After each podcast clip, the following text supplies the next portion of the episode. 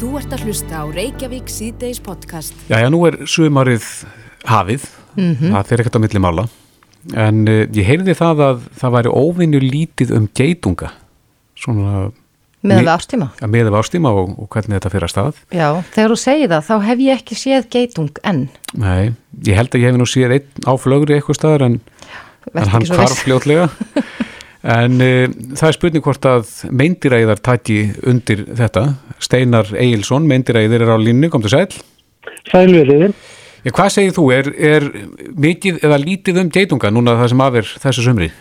Uh, svona eftir, ég er nú búin að vera í þessu hvað 30 pluss ár og ég, ég bara man ekki eftir jafn lítið af geitunga eins og núna en ég er búin að sjá einhverju 20-30 stykki Já, en ég hef ekki sett einust af hú og mér finnst þið vera bara eitthvað aðeins setni heldur en vanlega. En hvað er það sem veldur því? Veistu það? Það er alveg ómögulegt að segja. Kannski COVID-19, ég veit það ekki. Nei, þetta getur verið bara eitthvað í náttúrunni. Það hefur komið fyrir að geitungar hafa drefist niður vegna miklu sem á myndast í búum hjá þeim.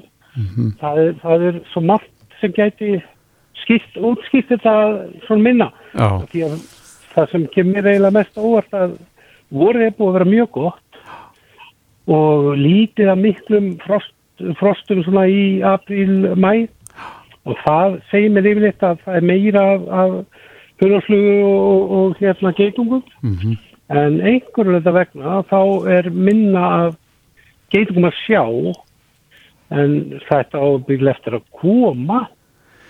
Já, er þannig að geitungurinn gæti náðu sér á strik og tí elst svona þegar að líður á sumarið. Já, hann getur alveg gert það út af því að ef, ef að öll lífskilir eru góð og, og búin vera stór og, og þá nokkulega fyrir þetta alltaf stað og við munum sjá þetta mest megnis í, í svona júli þá fara þeir að vera kannski meira á ferðinni.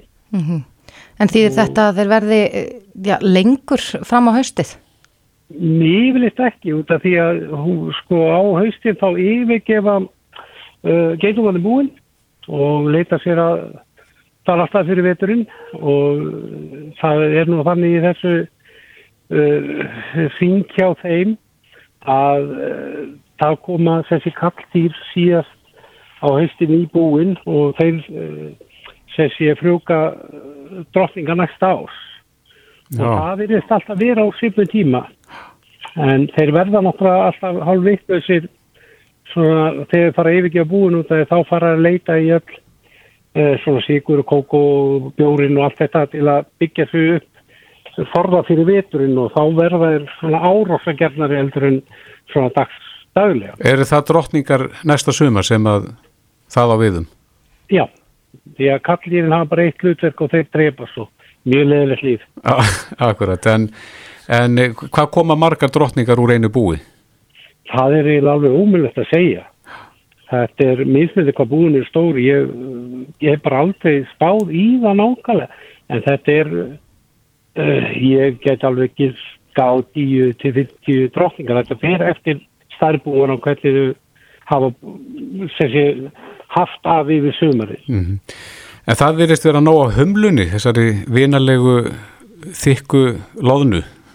Já, hún hefur alltaf svona haft að dagsetningu kringum 18. 20. april að fara á stað og það var engin breyting í, í ári, ég sá fyrstu hunduna 19. april Mm og það viðist vera tölustafinni en, en hérna og núna fyrir við að vera meira varfiður út af því að fyrstu árgangandi eða svona sumargangandir eru komin á stað, fernunar sem að fara við sjáum mest af Það eru fyrst útskriftinnemannir. Fyrstu útskriftanemandir og, og hérna og það eru búinlega góðar og, og við erum ekkert að eiga neitt í það, það gerir ekki neitt nema varði góðs Það er nú annað myndir sem ég langaði nú aðeins að minnast á við þig og, og aðtöða hver staðan á því væri en, en ég persónlega hef vorið aðeins verið við róttur. Eru, eru þæra að eitthvað orðnar fleiri eða, eða Færa sig meira upp á skaftið? Já, færa sig upp á skaftið. Nei, nei, ég held að síðan ekki að vera mikið fleiri það er náttúrulega var hérna fyrir áratugum að þá var mjög mikið rótt út af því að það er skortpræsi stöðunar það voru það ekki til og þá voru það bara út um allt. En núna er þetta orðið miklu miklu minna.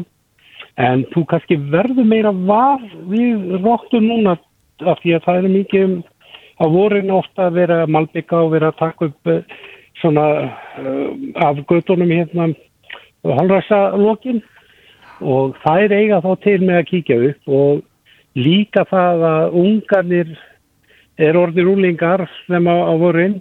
Og fara út að leika. Vilja, vilja fara út og skoða heiminn. Já, Þannig að það er, fólk kannski verður meira vart við að það getur gert og þetta er oft frá bundi við eitthvað svæði sem að eru framkvæmdir eða annað að, að þá er opið holræs og það komast út og þá fara það náttúrulega að skoða. En eru rotturnar algengar í einum borgarluta en öðrum? Nei, það er sko, það má segja, ég man nú ekki hvað ég hef búin að skoða þetta eitthvað tíma, þetta er svona lína í kringum alla eh, sjávarströndina. En rotta getur verið hvar sem er. Ég meina, ég hef tekið upp í Breiðolti, upp í Árbæ og nýri Miðbæ og út um allt. Sko. Þetta er, getur verið hvar sem er og sér líka annað að þær geta farið með vörum og annað sem sé af hafnafæði upp í, upp í land sko og vera á brettum og þannig að er, það, það er ómögulegt að segja nákvæmlega hvað er en þetta er miklu miklu minna eldur en hefur verið. já En Steinar, hver eru algengustu útköllning á þér? Hvað, hvað er svona efst á listanum? Það er búið að vera mikið í þessum bedbugs og uh, síðan náttúrulega... Er það veggjalýs eða- Já, þetta eru, þetta bedbugs eru fylgir tímiður þessum ferðamönnum okkur mikið. Já, þeir eru nú ekki mikið, ekki mikið um þá núna Nei, en þeir eru nú búin að skilja tölvert eftir síðustu ár. mm Þannig að uh, við erum að fá tölvert því og þetta er aldrei leiðilegt af því að það er búið svona kringum 2-3 metra frá rúmunum og síðan komum við upp í og þá fá þeir hlaðbor. Já, Þannig að þetta er erfitt að eiga við þær og síðan er náttúrulega eru róttu og mumís og silfurskottur og það er, er stór flóra.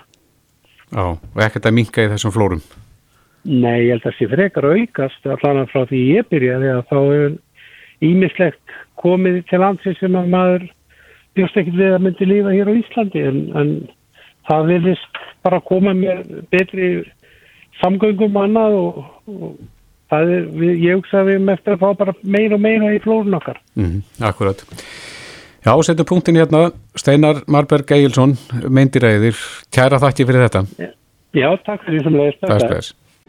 Þú ert að hlusta á Reykjavík C-Days podcast. Já, Reykjavík síðdeis, við ætlum aðeins að snúa okkur að orkunni sem er, sem er nöðsynleg og það eru orkustifti í gangi núna hérna á Íslandi. Við erum að, að reyna að færa bílarflótan yfir á ramagniði miklu leiti.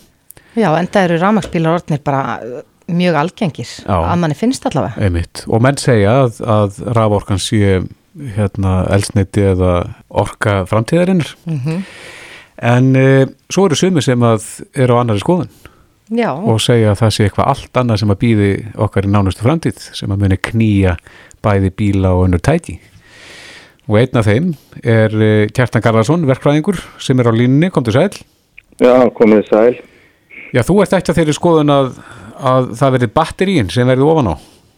Nei, mér finnst það mjög óleiklegt og ef við bara skoðum til dæmis orkuframleyslega heimsins í dag að þá er 70% raforkuna framleitt með kólum. Já,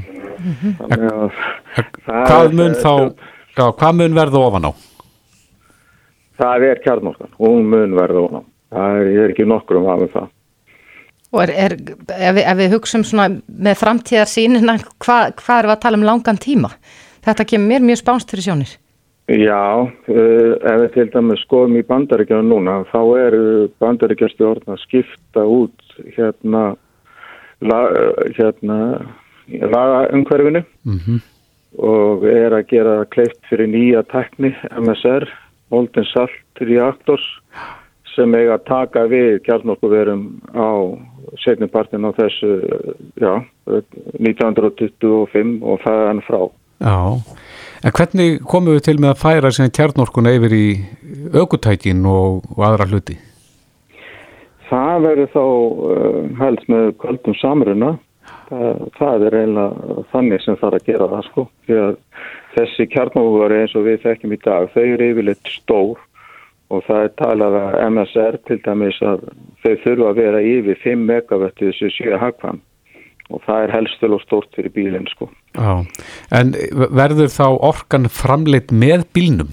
Serðu það fyrir þér? Að þegar við fáum bara bílana í hendurnar að þá sé bara orkan til staðar og, og þarf ekkert að hlaða? Já, ég sé það fyrir mér sko. Því orku þjettleiki hérna kjarnorkunar er miljón til tíu miljón sinnum meiri heldur en dísiloljunar. Mm -hmm. Þannig að það er, uh, þetta er bara, gætu bara verið lítið aftra, kannski 150-200 kíló í hverjum bíl. Og hversu lengi dugar slík orka? Ef við kannski til dæmis í árumtalið eða, eða kilometrafjölda eða öðru? Hún gæti ennst í þúsundir ára. Á einu bíl? Já. Já. Og hvað, hversu langt er þessi tækni komin? Það er að segja, eru menn, eru menn með tæknina tilbúna eða þarf að þróa eitthvað áfram? Nei, þeir eru nú ekki með þetta. Til dæmis geimfer bandaríkjamanna, þau eru til dæmis mass uh, bílinn, hann er kjarnorkum knúin og hérna hann er vísu lítið apparat, hann framleiðir eitthvað um 300 vött ramagni og það þarf að fara mjög spallega með það sko. Mm -hmm. en uh, það endist alveg næstu 50 til 100 árin Já, er komin eitthvað vísir af þessu að, að einhverjum ökutækjum sem eru að, að nýta svona tækni? Nei, ekki, ekki ennþá, þetta er allt og dýrt sko Já, já En eh, menn er að vonast til að geta framleitt sko svona vélar og, og, og til dæmis hérna Brilliant Light fyrirtæki sem er í bandaríkjanum, þeir eru nú að, þeir eru alltaf að nota vettni og þeir fá orkuna með því að, að færa elektrónin í kringu vettnið, nær vettninu og þeir eru komin á þann stað að þeir geta framleitt orkuna en þeir, þeir ráða ekkert við hana sko. þeir geta ekki beislaðan eða þá græðurna þeir að þær brána bara á, á nokkur mínútum sko. Já mm -hmm. En eigum við að vænta þess að sjá þetta í öðrum tækjum, til dæmis heimilistækjum eða öðru, en ekki bara bílum? Já, já, það við getum alveg vænst þess að sko alveg nýri farsíma sko. Það hefur tekist að framleiða kjarnorku, lítið kjarnorkuverð sem er starfi blíjant sem framleiðir eitthvað um 10 til 20 vött í hitorku sem betur næja til að knýja síman. Já, en eru við þá að tala um það að, að raforku fyrirtæki muni þá bara líðundi lok? nei, nei, sko það er, það þarf að framleiða stálið og álið og það allt saman. Já. Og eina framleiðsla, það, það þarf að, einhvern veginn þurfum við að framleiða þóttuðersniti og annað slíkt sko. Mm -hmm. Og, En, og, og, en, að, já, en við hættum þá greinilega með að við svona þessa framtíða sín að, að stinga eldavélinn og ískapnum og sjónvarpin í samband. Þetta verður allt sem að bara með innbyðir orku. Já, og ljósaperuna. Og ljósaperuna líka.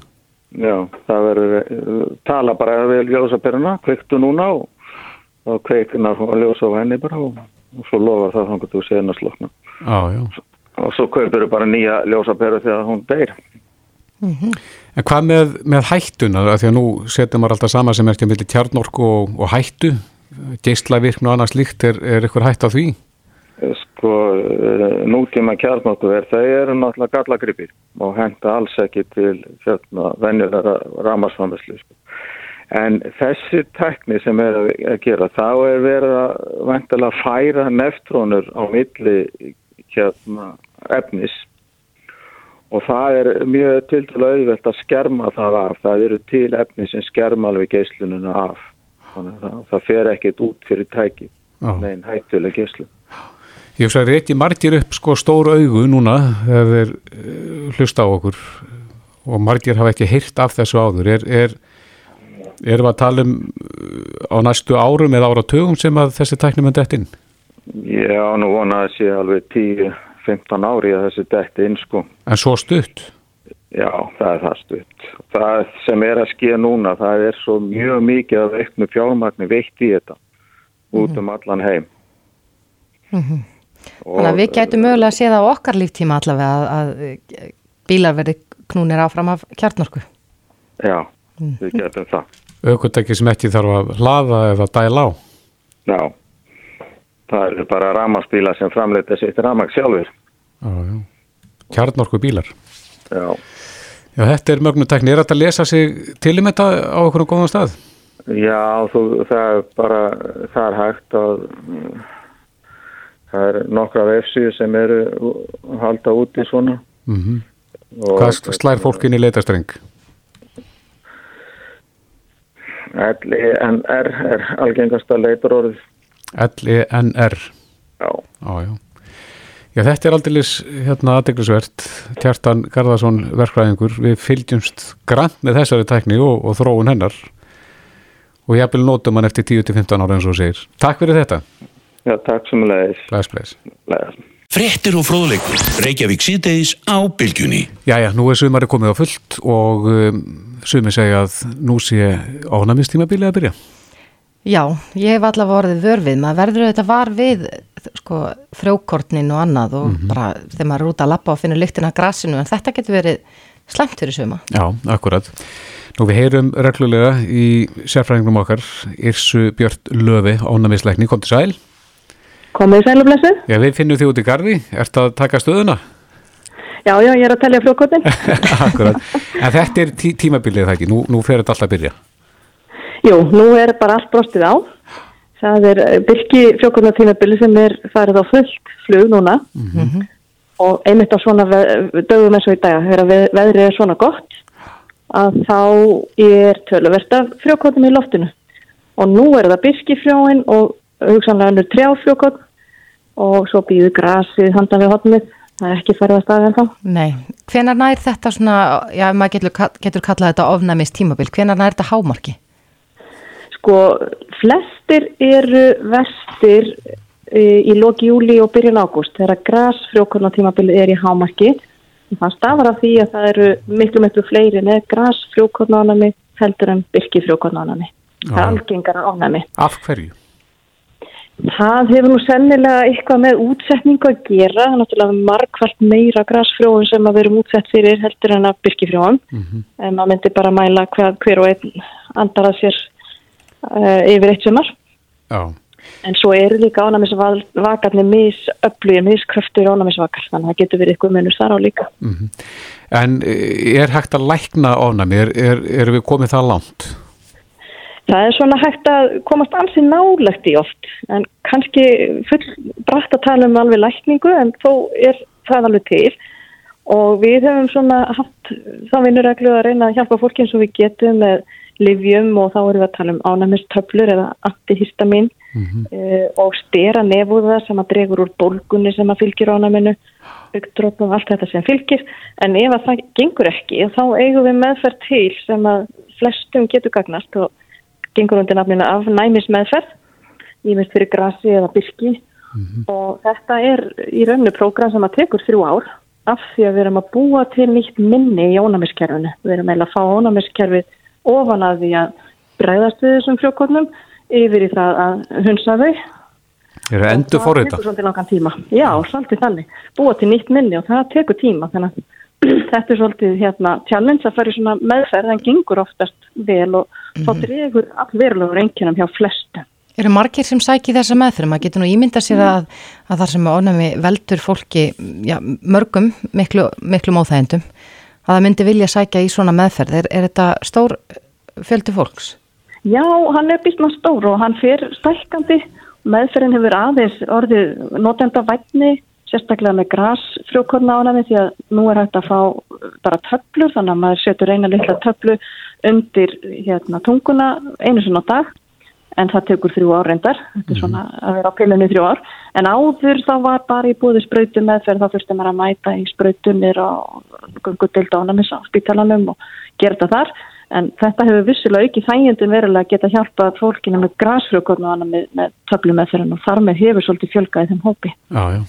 Segðu mér þess að þegar við erum svona að skrýða út úr þessu COVID-tímabili, það sem að mikið hefur verið um handþvott og, og sprittin og annað slíkt, Já. hvað segir þú sem ánæmisleiknir? Erum við að ofgera kerfinu? Já, ég held að viti það svo sem enginn. Það var nú ekki mikil, mikil breyting á mínu lífi fyrir og eftir COVID vegna þess að ég vinn þannig vinnu, ég spritta mér hendurna margsins á dag mm -hmm. og ég hef nú verið tókarlega heilsuröst þannig að ég held að þetta sé nú ekki, ekki endilega svo slengt en það hef fylgjaðu þetta því að drepa óæskilega bakterjur og við drepum eitthvað af okkar húðflóru sem eru æskilega bakterjur og við getum líka fyrka húðina og hún fer að þótt nú springa þannig að það kannski er sér greiðari leið uh, síkingar, aðra síkingar eða eitthvað svona ofan í þetta. Mm -hmm. þannig að um, hvort það skemmir ónæmiskerfið okkar að veiki til lengri tíma ég er nú ekkit ég er nú ekkar stóra ágjör af því en, en það veitir enginn. Nei, en við vorum að ræða hérna um daginn þetta orðatildæki að misjöfni þrýfa spörnin best. Já, eh, tekur þú undir það sem eh, ánæmislegnir? já í rauninni. Innan skynsæmismarka eins og maður segir. Já, getum við gert eitthvað til þess að eh, til þess að reyna að minka líkurnar á því að þróa með okkur ánæmi setna lífsleginni eins og til dæmis uh, grasánæmi eða gælutir ánæmi eða eitthvað annað slíkt? Sko það er ákveðin hópur fólk sem er viðkvæmur eða líklegu til þess að mynda ánæmi það er svona ákveðin undir hópur fólks sem að augljóslega er verndaður af því ef hann til dæmis elst upp með dýri. Mm og þá er minni líkur á því að við komandi fá ánæmi setna og þetta var nú aðalega held ég tengt hundum. En það er ekki, það gildur ekkit um alla þannig að oft eigum við kannski ekki alveg þessi ráð.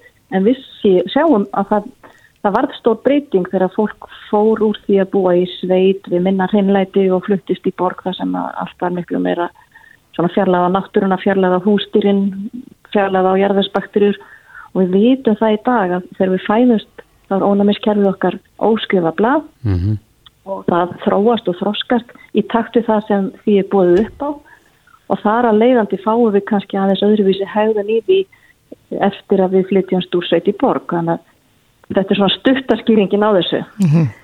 En er það þá bara- Ég endilega vilja fá alla gallana sem fylgdu því líka að fá allar þessar veikjast af jarðvegsbakteríunum og svo framvís berkla og alls konar þess aftar Meina, við erum ekki endilega spennt fyrir að fá margar af þessum sýkingum upp Nei.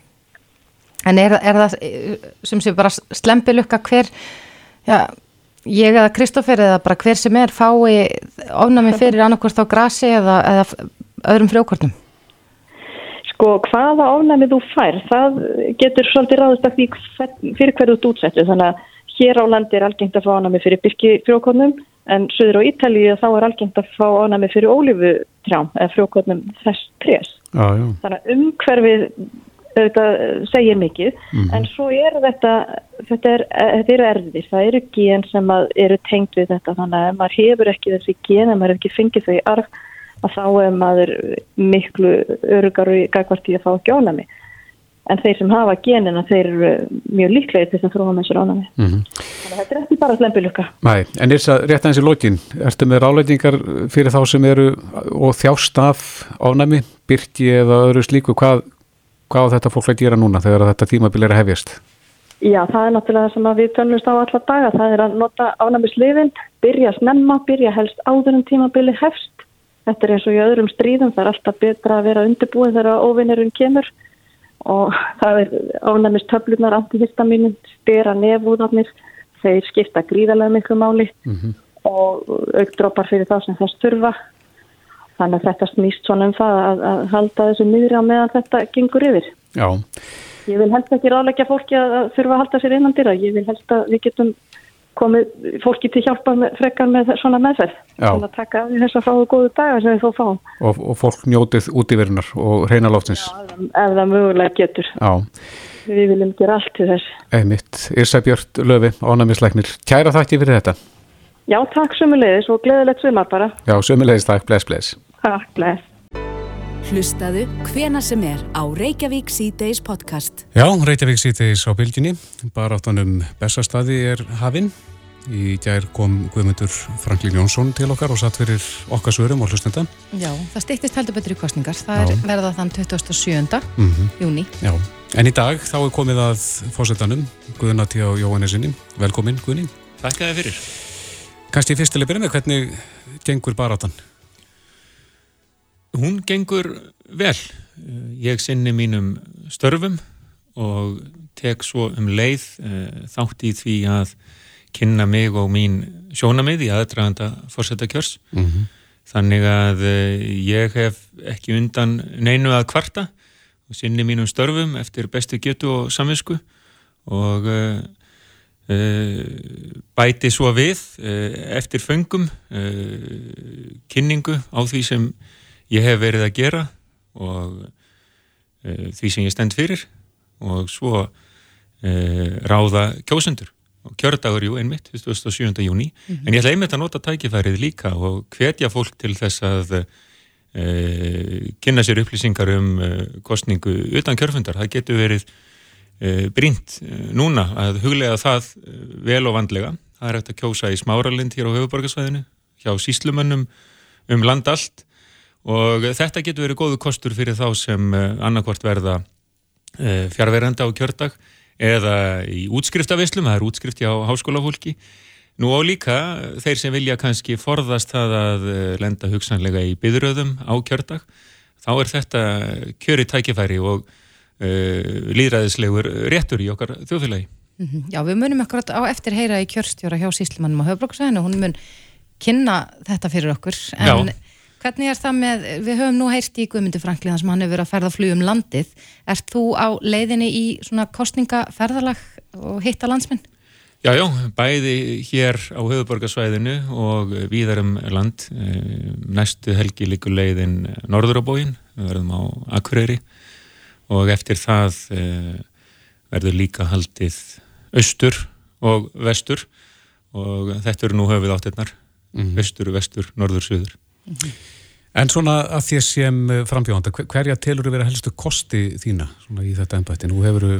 Æ, getur ekki spurt að öðru því að mér finnst, sann að sagna, e, finnst mér ekki hérna gaman að tala um e, kosti mína en gerir mér auðvitað grein fyrir því að kjósendur vilja fá sem mestar og glekstar upplýsingar um þá sem er í frambóði mm -hmm. og e, ég hef alltaf Eh, verið þeirra skoðunar að eh, dramb sé falli næst, oflæti ekki gott, en um leið ámaður að rækta með sér það sem við getum kallað heilbritt sjálfströst og sjálfsöryggi.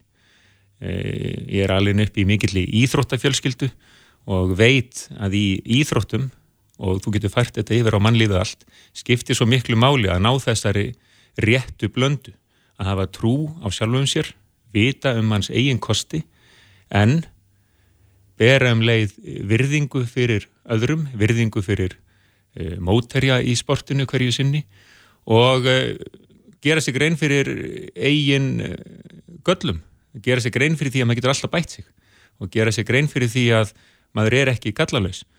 Þannig að verði ég beðinum að lýsa eigin kostum á fórsetta stóli þá er þetta hinn e, e, svo megin lína sem ég vil draga að ég tel mig hafa gengt ennbættinu þannig að fólki líki vel við.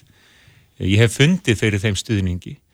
E, ég hef alltaf einsett mér í þessu ennbætti að e, sinna því þannig að fólk fá að tilfinninguna að ég vilji hlusta á alla að ég líti svo á að enginn sé settur skör neðar en aðrir í þessu samfélagi að eh, við eigum að sína öllum eh, virðingu, við eigum að sína öllum uh, sangirni allir í samfélaginu eiga rétt á uh, reist og, og sínum réttindum. Þannig að mér finnst hlutverk fórsett að felast í því frekar að hjálpa þeim sem þurfa á aðstofhalda heldur en að hjálpa þeim sem eru á góðum staði í lífinu og, og pluma sig. Ég fer oft í skóla, hitti krakka, spjalla við þau og það er tekið vel á móti manni. Það eru krakkar sem taka eh, á móti mér og Elis ef hún er með því fyrr og kynna sig og eru svo einhvers konar fundarstjórar, svo koma einhverjir snillingar og leika á hljóðfæri eða sína einhvers konar íþróttarlistir Þetta eru frábærir og framúrskarandi krakkar. En svo ser maður hýna líka sem eru aftast, sem láta lítið fyrir sér fara og maður vill tala við þá líka, maður vill heyra í þeim. Hvað viljið þið gera þegar þið eru orðin stór? Hvaða drauma eigið þið? Mm -hmm. og maður vil segja við þessa krakka líka þið getið gert það sem þið viljið þið þurfum bara að finna hvað e, í ykkur býr og svo ætlum við að hjálpa ykkur. Mm. ef þið þurfum aðstóð, þá ætlum við að hjálpa ykkur við það að sína hvað í ykkur býr. Ykkur til heilla og okkur öllum. Mm -hmm. Rétt aðeins áru við uh, gerum smá hljöf, við ætlum að hleypa hlustundum að hér á eftir en, en það eru svona skipta skoðanur um það hvernig hvert hlutverk fórseti að vera. Hvort að fórseti að vera meiri þáttakandi í samfélaginu. Uh, þá er verið að tala um uh, sinjunarréttin, mm, það er að segja að, að neyta skrif undir og vísa málun til þjóðurinnar. Hver er þín skoðan á því? Hva, hversu aktífur á fórsetin að vera? Fórseti uh, á ekki að standa á hennu pólitiska sviði frá degi til dags. Uh, sá grunnur er lagður í fyrstu grein stjórnaskarárinnar Íslandi líðveldi með þingbundinni stjórn.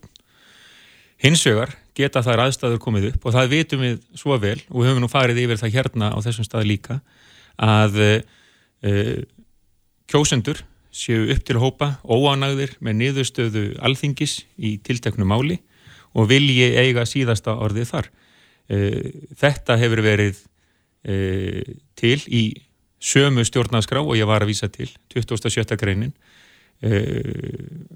Fyrri fórsetar töldu ekki ástæðu til þess að beita þessu valdi þótt að væri til staðar en eh, forveri minn, Ólafur Ragnar Grímsson eh, komst þrísvarsinnum á sinni 20 ára valdatíð að þeirri niðurstöðu að uh, þennan rétt bæri að virka. Hann er komin inn í okkar skipun að þessu leiti.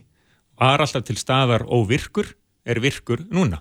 En forsendan hefur alltaf verið svo í tíð Ólafs Ragnar Grímssonar og í minni fórsetatíð og reyndar í tíð fyrir fórseti út í þaðufarið að ríkur þjóðar vilji verður að vera fyrir hendi, sínilegur, augljós í formi undirskrifta þar sem kjósendur segja þetta viljum við að e, fari til okkar svo að við eigum síðast orðið. Mm -hmm. Áskoranir, undirskriftarlistar, þetta er það sem fólk vil nota til þess að láta vilja sín í ljós.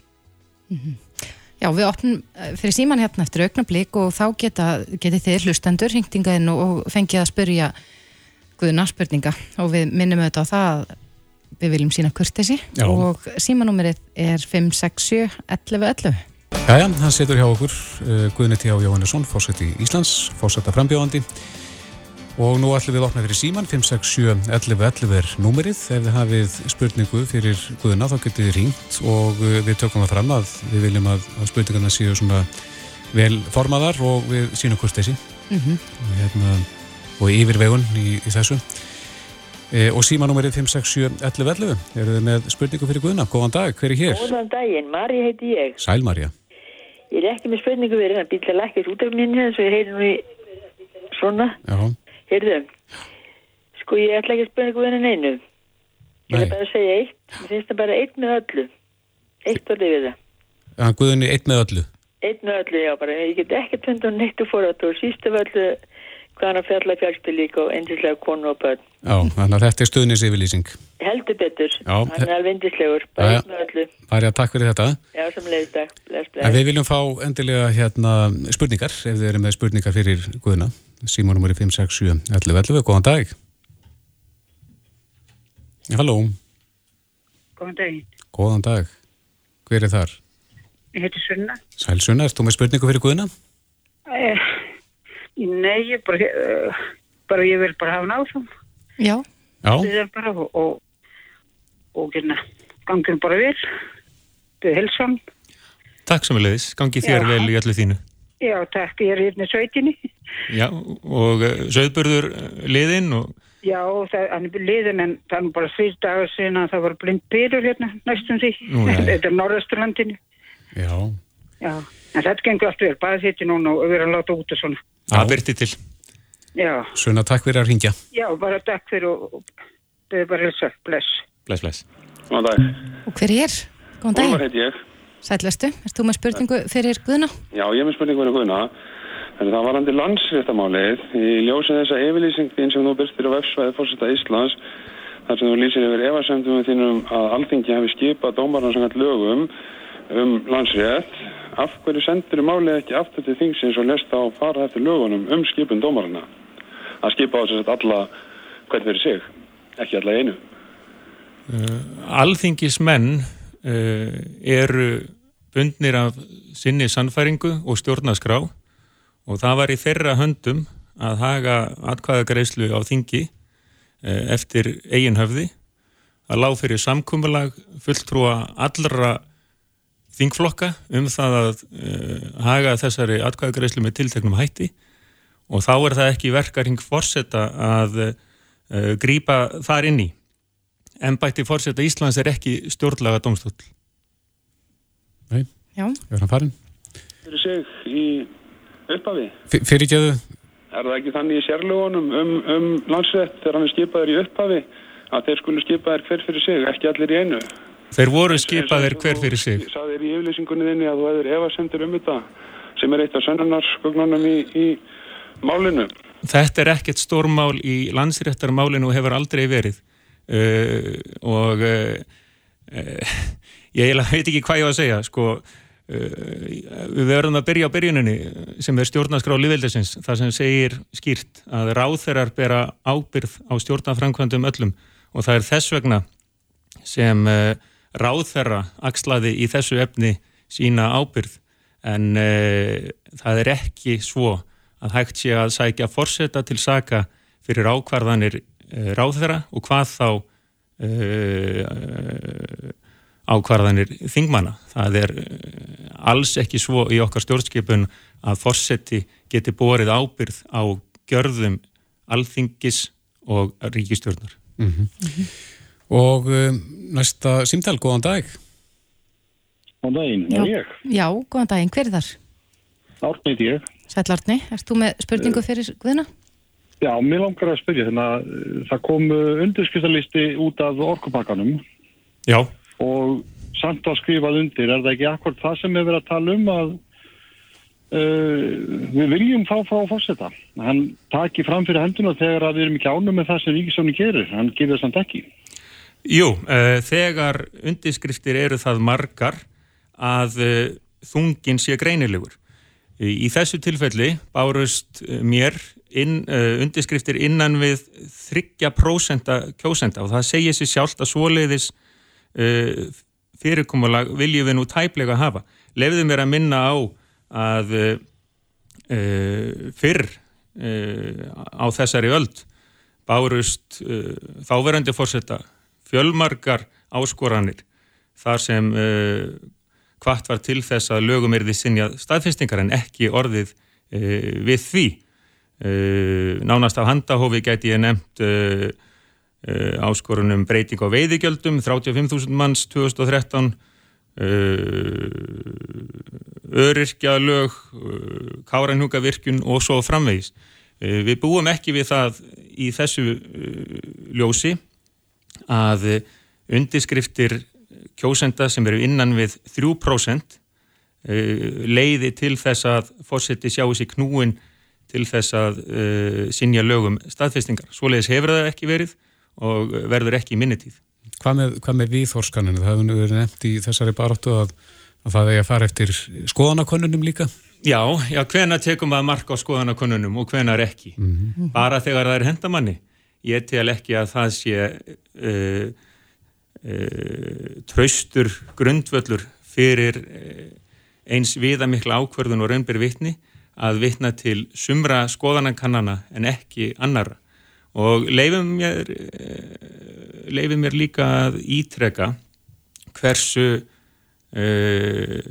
sjálfgæf þessi ákverðun er þrísasinnum í 20 ára fórsetatíð Ólafs Ragnars Grímssonar. Mm -hmm. Þannig að það er ekki svo að það sé í verkaring fórseta uh, þegar hann vaknar á mótnan að hugsa hvaða lögum á ég að sínja í dag. Þetta er hið óvenjulega ástand, ekki hið venjulega. Mm -hmm. Næsta spurning, góðan daginn. Það er ég. Já, það er þú. Hver er þar? Komðið sæl og, og, og, og góðan daginn, Guðni. Já, sælvertu. Hvað heitir þú fyrir ekki? Ég heitir Hrafn. Sælvertu. Mér langar svolítið að fara inn á þessa kannanir sem, sem að hafa verið í gangi og það sem er talað um að Guðni, uh, nú er ég ekki hartmann að Guðna eða Guðmyndi, Mm -hmm. en uh, mér finnst svolítið skrítið að það er að tala um að Guðni sé með núna 90% fylgi eins og rustniskostning og svona. Samkvæmt uh, Konungalup, já. Já, en það voru kannanir sem að Bilgen gerði og aðri. sem Já, að- við skulum ekki bera þær saman. Ok, en ég er að er- byrja það saman. Að mér finnst nú svolítið skrítið að, að svo er alltaf að minn uh, tala um það að, að Guðmundur Franklín sé hengdu miðflokkinum og, og, og En, en ertu með spurningu fyrir Guðna? Við erum svona aðalega Já, fisk eftir að- þeim. spurningin er kannski svo, nú hefur maður verið að horfa á sjómarp og þar, þar, þar koma þau hjónin fram og, og hérna er að fara að kynna Ísland Mm -hmm. en það kemur hvergi fram e, það sem að Guðmundur Franklin er, er að fara að kynna Ísland Þannig mér skrítið að sko e, Er þetta spurning? Og hver er spurningi fyrir Guðna? Þetta hann að mér, sko það er að e, það er að auglýsa þau hjónin Er, er þau bara ekki að sinna sínum embætti skildum? Er, er það ekki svoleiðis? Að... Já, og þá ekki bjóða Guðmundi að hérna segja, heyrðu, ég ætla að kynna landið og, og, og þjóð. En Guðni T.H. er nú sitjandi fórseti. Sko, skoðunarkannir eru allt hallar á Já. Guðmund og fólk kringir inn og... Við stiljum hvert þú ert, Hrafn, við stiljum hvert þú ert að fara, Guðni, við komum bara aðeins að þessu. Það er hérna eh, talað um það að þið hafið eitthvað forskot þarna. Á... Já, ég veit ekki hvað skal segja. Við erum í þeirri stöðu núna, við Íslendingar, að ferða þjónustan hlaut þungt högg, vægast sagt, eh, vegna farsóttarinnar og nöðsynlegra viðbræða gegn henni. Og hvað er til ráða? Við ætlum að reyna eftir bestu getu að snúa vörn í sókn. Við ætlum að hvetja Íslendinga, alla íbúa á Íslandi til þess að ferðast innanlands og það er svo auðsjáanlega í verkarring forsetta að styðja gott mál af þessu tægi. Þannig að e, það liggur í augum uppi að maður leggja góðu máli lið af þessu tægi Mhm. og ég vil hvetja alla núna til þess einmitt að hugsa um það að e, koma með Mhm. og e, finna skemmtilegan áfangastað, einhver staðar á okkar fallega landi og vera þannig hluti af þeirri löst sem við erum að reyna að skapa hérna saman. Þetta er ekkert flokknar en það. En finnst þér koma til greina að, að fórsættir svona rétt fyrir kostninga drægi svo út að ykkur leiti úr svona þessum ofinbyrju skildu sínum? Nei, forseti er forseti Íslands uh, fram að kjördegi og fram yfir kjördag uh, verði forseta skipti og forseti Íslands hefur skildum að gegna, nú er ég ekki að tala um sjálf mig í þriðju personu, ég er að tala um þetta almennt Mhm. forseti, hver sem það er hefur skildum að gegna, gagvart landi og þjóð og sinnir þeim eftir bestu samvinsku og tekur þátt í góðum málum sem lúta að því að koma hér uh, efnahagnum í gang núna og uh, þá gerum við það bara. Mhm. Náum allavega einu með viðbót. Já, og hver er hér á línunni? Góðan daginn. Já, góðan daginn. Guðrún heit ég. Sæl Guðrún? Sælvertu. Eh, eh, mér langar svolítið, sko, ég veit ekki alveg hvað bara fórsetin áheila sinna.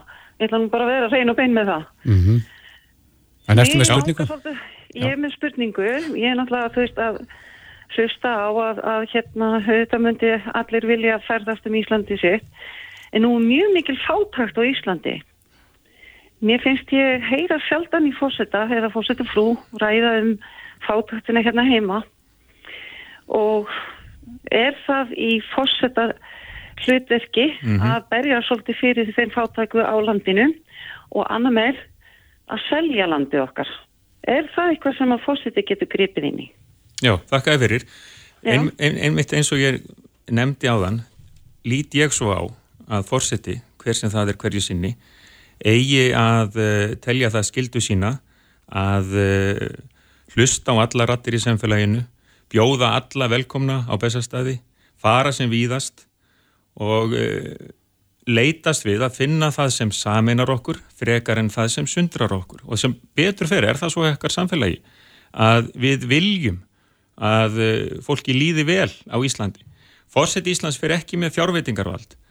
Fórseti Íslands er ekki pólitík frá degi til dags og það væri óabyrt af þeim sem situr á bestastöðum að lofa öllu fögru og segjast munu bæta hag allra bara ef þið kjósið mig. Þannig vil ég ekki vera. Þannig hef ég ekki verið. En hins vegar hef ég kosta kaps að hitta alla sem víðast, fara sem víðast, hlusta á ólíka rattir í samfélaginu og stuðla að því að við sem samfélag uh, búum svo um hnútana að hér geti fólk sínt hvað í því býr að hér fá allir tækifæri til að sína hvað í þeim býr, sjálfum sér og samfélaginu öllu til hitla. Ég myndi aldrei vannmeta óbein áhrif sem fórseti hefur. Þótt menn geti ekki lofað öllu fögru, þá geta menn beitt sínum óbeinu áhrifum til þess að svo ráðamenn og almenningur allur uh, kappkosti að uh, bæta hag allra í þessu landi. Mm. En mér sínist þú ekki að koma fleiri maður eða hvað sér bara í? Kannski einnig viðbútt á einn örstuðt. Góðan dag. Halló. Halló. Já, góðan dag. Hver er þar? Gunnar heiti. Sæl Gunnar, ert þú með spurningu fyrir Gunnar? Uh, bara kvartningar orð. Takk að fyrir Gunnar. Má ég, má ég, uh, bara örstuðt sko. Já, þú ætti bara að loka orðið. Heil þér Gunnar T.H. Jóhannesson. Þú okkar dáðasti Íslandingur. Ísland er þú eina von. Fólkið um loftsöng um þig syngur. Gangið þið vel, kallið minn. Takk að fyrir, takk að fyrir. Gangið þér sem við leiðis vel. Ekki slemtur þið að enda á þessum nótum Gunni? Nei, ekki hvarta ég. Nei, akkurat. En kæra þakki fyrir að setjast hérna niður með okkur. Mín ánægjan og heiðurinn og ljúfskilda. Og hérna gangið þið vel í, í barátunni. Takk fyrir. Kæra þakki fyrir komin og það má finna þetta spjall meðal hann sinna á vísi.is eftir skamastund. Reykjavík síðdeis á bylginni. Reykjavík síðdeis á bylginni heldur áfram. Þannig frekar, já, svona erfið fyrirsögn hérna á vísi í gær, þungur og erfiður fundur í karpúsinu. Já. En uh, það er, eru viðræður í gangi á milli félags íslenskra hjókunarfræðinga og, mm. og ríkisins. En það stefnir allt í það að það verði verkvall núna, já, í næstu viku, hamskilst. Já, og hérna hjókunarfræðingar, þeir samþyktu það. Mm -hmm virtist vera búið að landa samningi en hann var síðan feldur og uh, kolfeldur og, og nú er standað aðgerið fyrir dyrum.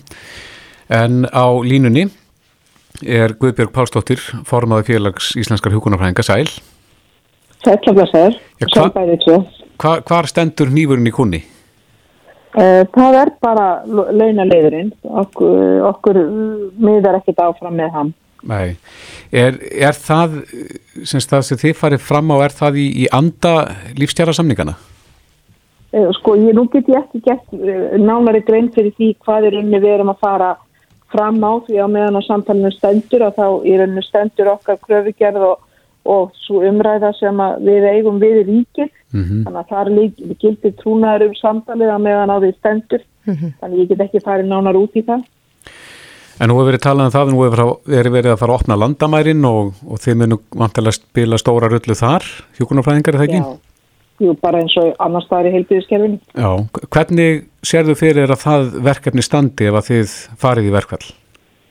Það bara standur mjög erfiðlega því að verkvalli og þegar um er að ræða verkvall þá er í rauninni starfseminn kerfa svo kvöldum öryggislistum sem búið er að fara í gegnum uh -huh. og í rauninni allt annað sem að í rauninni ekki opna líf og limum og þess aftar er sett á bygg uh -huh. meðal hann að staða sem ná fleira þannig að þetta lítur ekki vel út en, á, en, en ykkar hlutverk varðandi skimunina Hva, hvaða hlutverk leiti þið þar?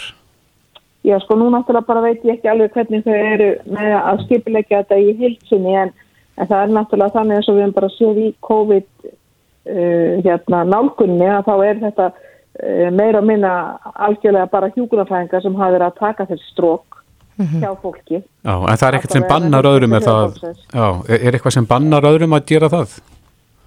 Sko, ne, ég meina það er náttúrulega bæði læknar náttúrulega geta tekið strók og svo sem aðrir, ég haf vel þjálfaður upp í það en þetta er náttúrulega eitthvað sem hefur verið alltaf okkur höndum þannig að ef að núna allt í henni þarf ekki hjúkunarfræðinga til þess þá bara líka getum við hugsað það bara lengra og, og velt fyrir okkur hvort að strók framtíðar en að verði nokkuð tekið af hjúkunarfræðingum yfir höfu mm -hmm. það bara þýðir það annað í rauninni verklag en ég trúi því nú ekki að, að fólk sé að skipilegja þessa þjónustu á annan hátt en væri gert í eðlilegu árferði Mhm. bara með þetta leiðaljósi. En það hel- gengur aldrei. En heldur að þetta er í tólka sem verkfallsbrot ef, að- ef, að, ef að það vissulega verður að því að þið farið í verkfall og, og aðrir munu sinna þessum strókum? Ég get svo sem ekki sagt til um í rauninni það núna en ég sé allavega þessu staðinu í dag sé ég ekki það að, að félagi myndi hérna veita undatháðu til þess.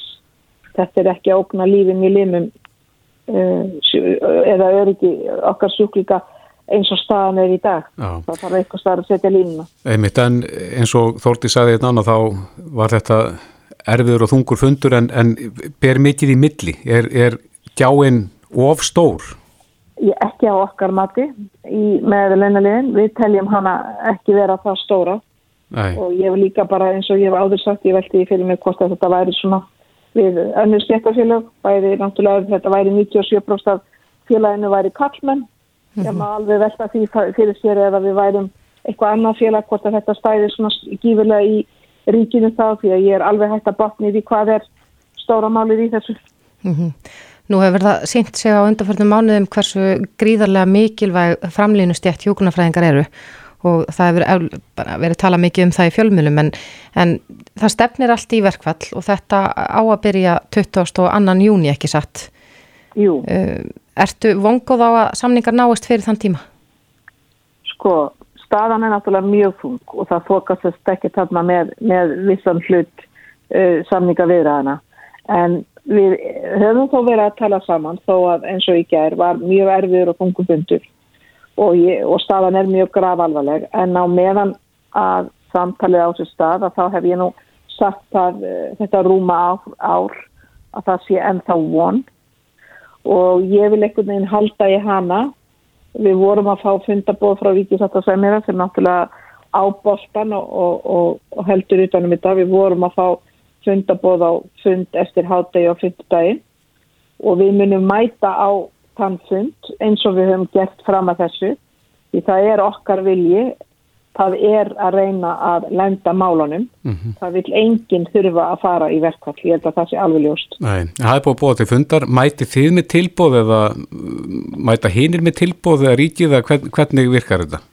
Já, sko, við reynir skildum bara þannig í gæra að við áttum okkur bara bæði á því að það er of langt á milli þannig að nú bara treyst ég svolítið á ríki satt að semjara að sjá hvaða, hvaða stil hann vil fara koma með í þetta með hvernig við endum í gær.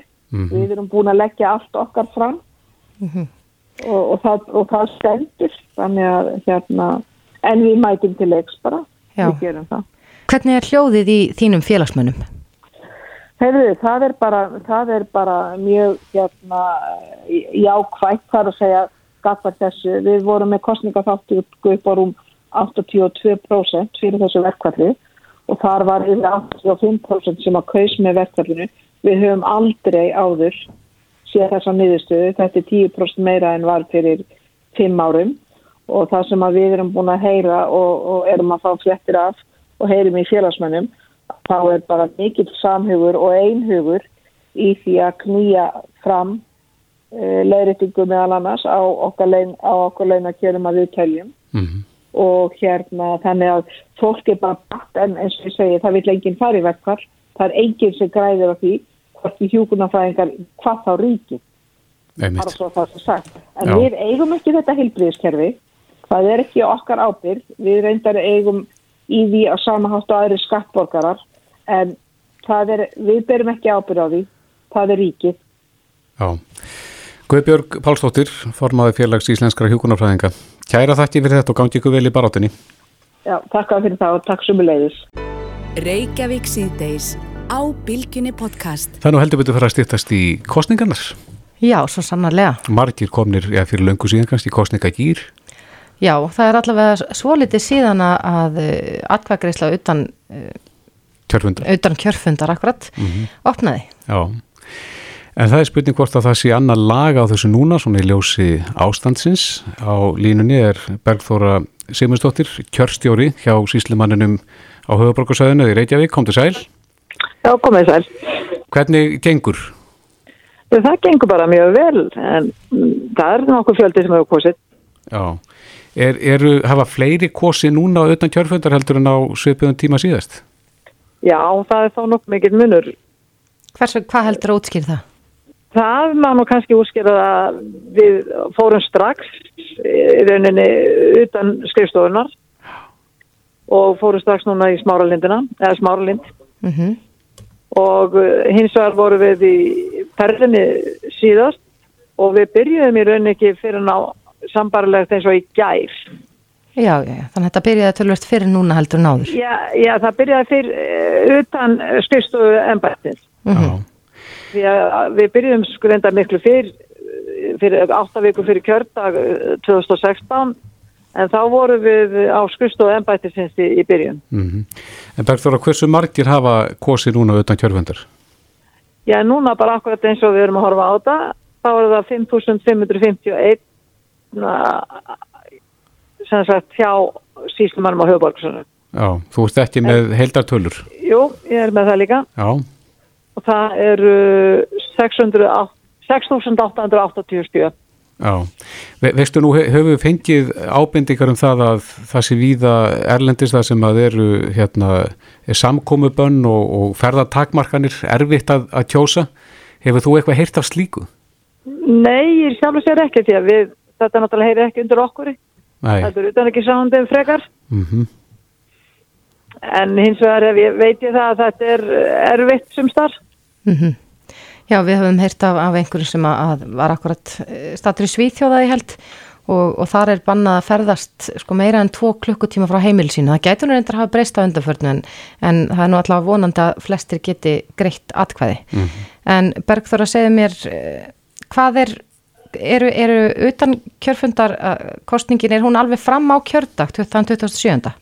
Já, sko það er þannig að við erum með fyrir þá sem er á, á hefurborgsvæðinu, þeir geta kosið til 2007, til klukkan 22 um kvöldið, en hins vegar þeir sem eru utan hefurborgsvæðinu, þeir geta kosið á kjördag hjá okkur líka, Já, já. frá klukkan 10 til klukkan 17. Mhm. En hins vegar er smá vandamál með það að flugið fer í fyrra lægi til Akureyðar. Þannig að þeir sem að búa á því, þeim svæðum að þeir þurfa að koma alltaf snemma. Mm Er þetta skipt um skoðun? Já, en þá er það hægt. Það er eh, hægt að kjósa oftar en einsinni. Já, þannig að eh, er hvert atkvæði þá mert? Það miðast við tíman, dagsetninguna og tíma. Já, Mm, þannig að það síðasta sem skilaður inn, það gildir. Það, það gildir. Og ef þú ferð að kjörta að kjósa, þá gildir það atkvæði. En það ferður bara að kjósa einu sinni. já, já. En uh, hvernig verður framkvæmdin? Er, er, verður þetta mjög frábröði núna s- sökum koronavirunar? Já, það hefur verið það. Hvað- Það er náttúrulega verið núna á þremur stöðum, Mhm. byrjum að því núna 15. júni, þá verður það tveir, tveir kjörstaðar hérna í, Smáralind og svo verður við undir stúkunni í lögatarsöll. Já, en Nei, svona, fyrir ekki lögatarsvellinum. já, en svona þegar það kemur að, á, á kjördegi, hvað, hvað gerist þá? Já, þá náttúrulega ferðu á, ef þú byrður á hefubóksvæðinu, þá ferðu bara í þína kjörtil. Já, og verður eitthvað takmarkanir þar? Bílamilli manna eða? Já, það veit ég ekki alveg. Nei, En, en hins vegar er það hér hjá okkur. já, þið, tryggir það og, og þegar það kemur að talningun og slíku, er, er, verða færri þá við talninga núna heldur en áður? Það hugsa ég ekki. Nei, Ég, ég held að það sé ekki, gildi ekki tekja með reglan þar. nei, Annars veit ég það ekki. En. Mm Já, við hvetjum auðvitað alla til að nýta atkvæðisréttin sinn. já, ekki spurning. Bergþóra Sigmundsdóttir kjörstjóri hjá síslimannum á höfbrukarsvæðinu. Kæra þakki fyrir þetta. Já, takk sem er leiðis. Þetta er Reykjavík C-Days podcast.